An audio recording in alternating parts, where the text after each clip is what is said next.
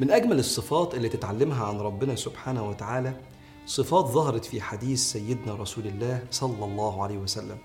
يوم صعد على المنبر وحمد الله وأثنى عليه ثم قال إن الله عز وجل حيي ستير يحب الحياء والستر.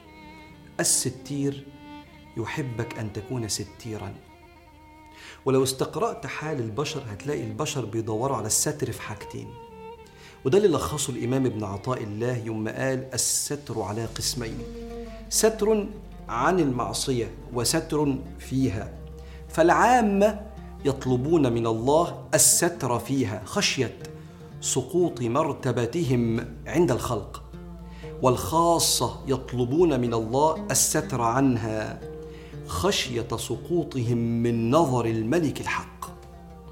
نوعين من الستر. النوع الأول في كلام ابن عطاء الله الستر في المعصية إن الواحد يغلط ويطلب من ربنا ما يتفضحش عند الناس. ماضي غير سوي ما تحبش حد يعرفه يا رب استرني. صورتك مشرفة قدام الناس هتهتز أمام الخلق. لو عرفوا اللي انت تعرفه عن نفسك يا رب استرني في غلطاتي. سر تستأمن بيه حد على غلطة في حياتك فيخيب ظنك ويستخدمه ضدك ويفضحك. فتقول يا رب استرني في المعصية دي. عشان تحصل على الستر في المعصية مطلوب منك حاجة. إنك ما تفضحش حد. استر تستر. زي ارحم ترحم. انت معرفتش فضيحة أو سر حد إلا اختبار ليك. هتعمل إيه؟ انت تتمنى الناس لما تعرف غلطتك تعمل معاك إيه؟ تخلق بسم الله الستير حتى يسترك. ربك يقول على نفسه وهو الحيي. فليس يفضح عبده عند الجهر منه بالعصيان لكنه يلقي عليه بستره فهو الستير وصاحب الغفران. وقال صلى الله عليه وسلم من سمع سمع الله به. فخد بالك. وقال عليه الصلاة والسلام لا يستر عبد عبدا في الدنيا إلا ستره الله يوم القيامة. ده الستر الأول. إنك تغلط وتتمنى إن ربنا ما يفضحش غلطتك قدام الناس. استر. تستر. أما المرحلة الأخرى من الستر وهي الستر عن المعصية. إنك تتمنى من ربنا إن ربنا يحميك من إنك تتذوق لذة معصية جديدة فتنجذب إليها فتدمنها. لا يا رب. أنا مش عايز أدوق. استرني عنها. حتى لا يحجبني لذة الذنب اللي هدوقه الجديد ده عن جمال الوصال معاك يا رب. أنا ضعيف. مش قدها. احميني منها يا رب. وده دعاء حملة العرش للمؤمنين. بيقولوا وقهم السيئات ومن تق السيئات يومئذ فقد رحمته وذلك هو الفوز العظيم.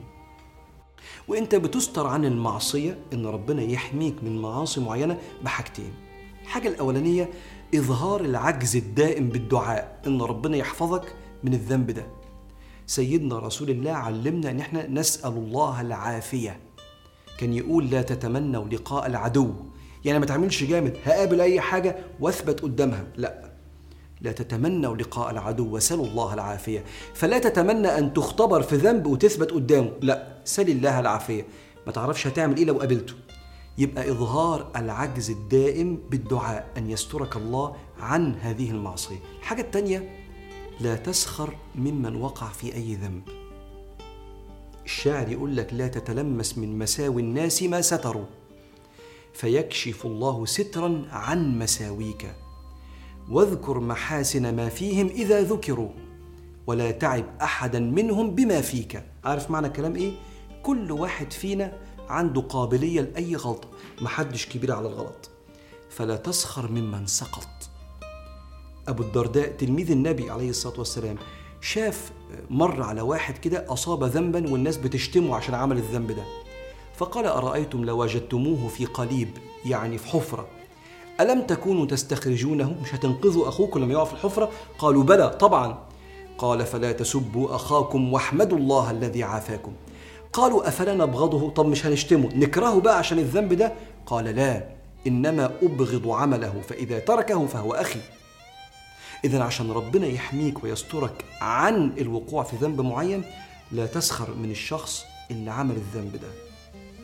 فيا رب استرنا عن فعل ما لا يرضيك وإذا زلت أقدامنا فاحفظنا من الفضيحة أمام خلقك.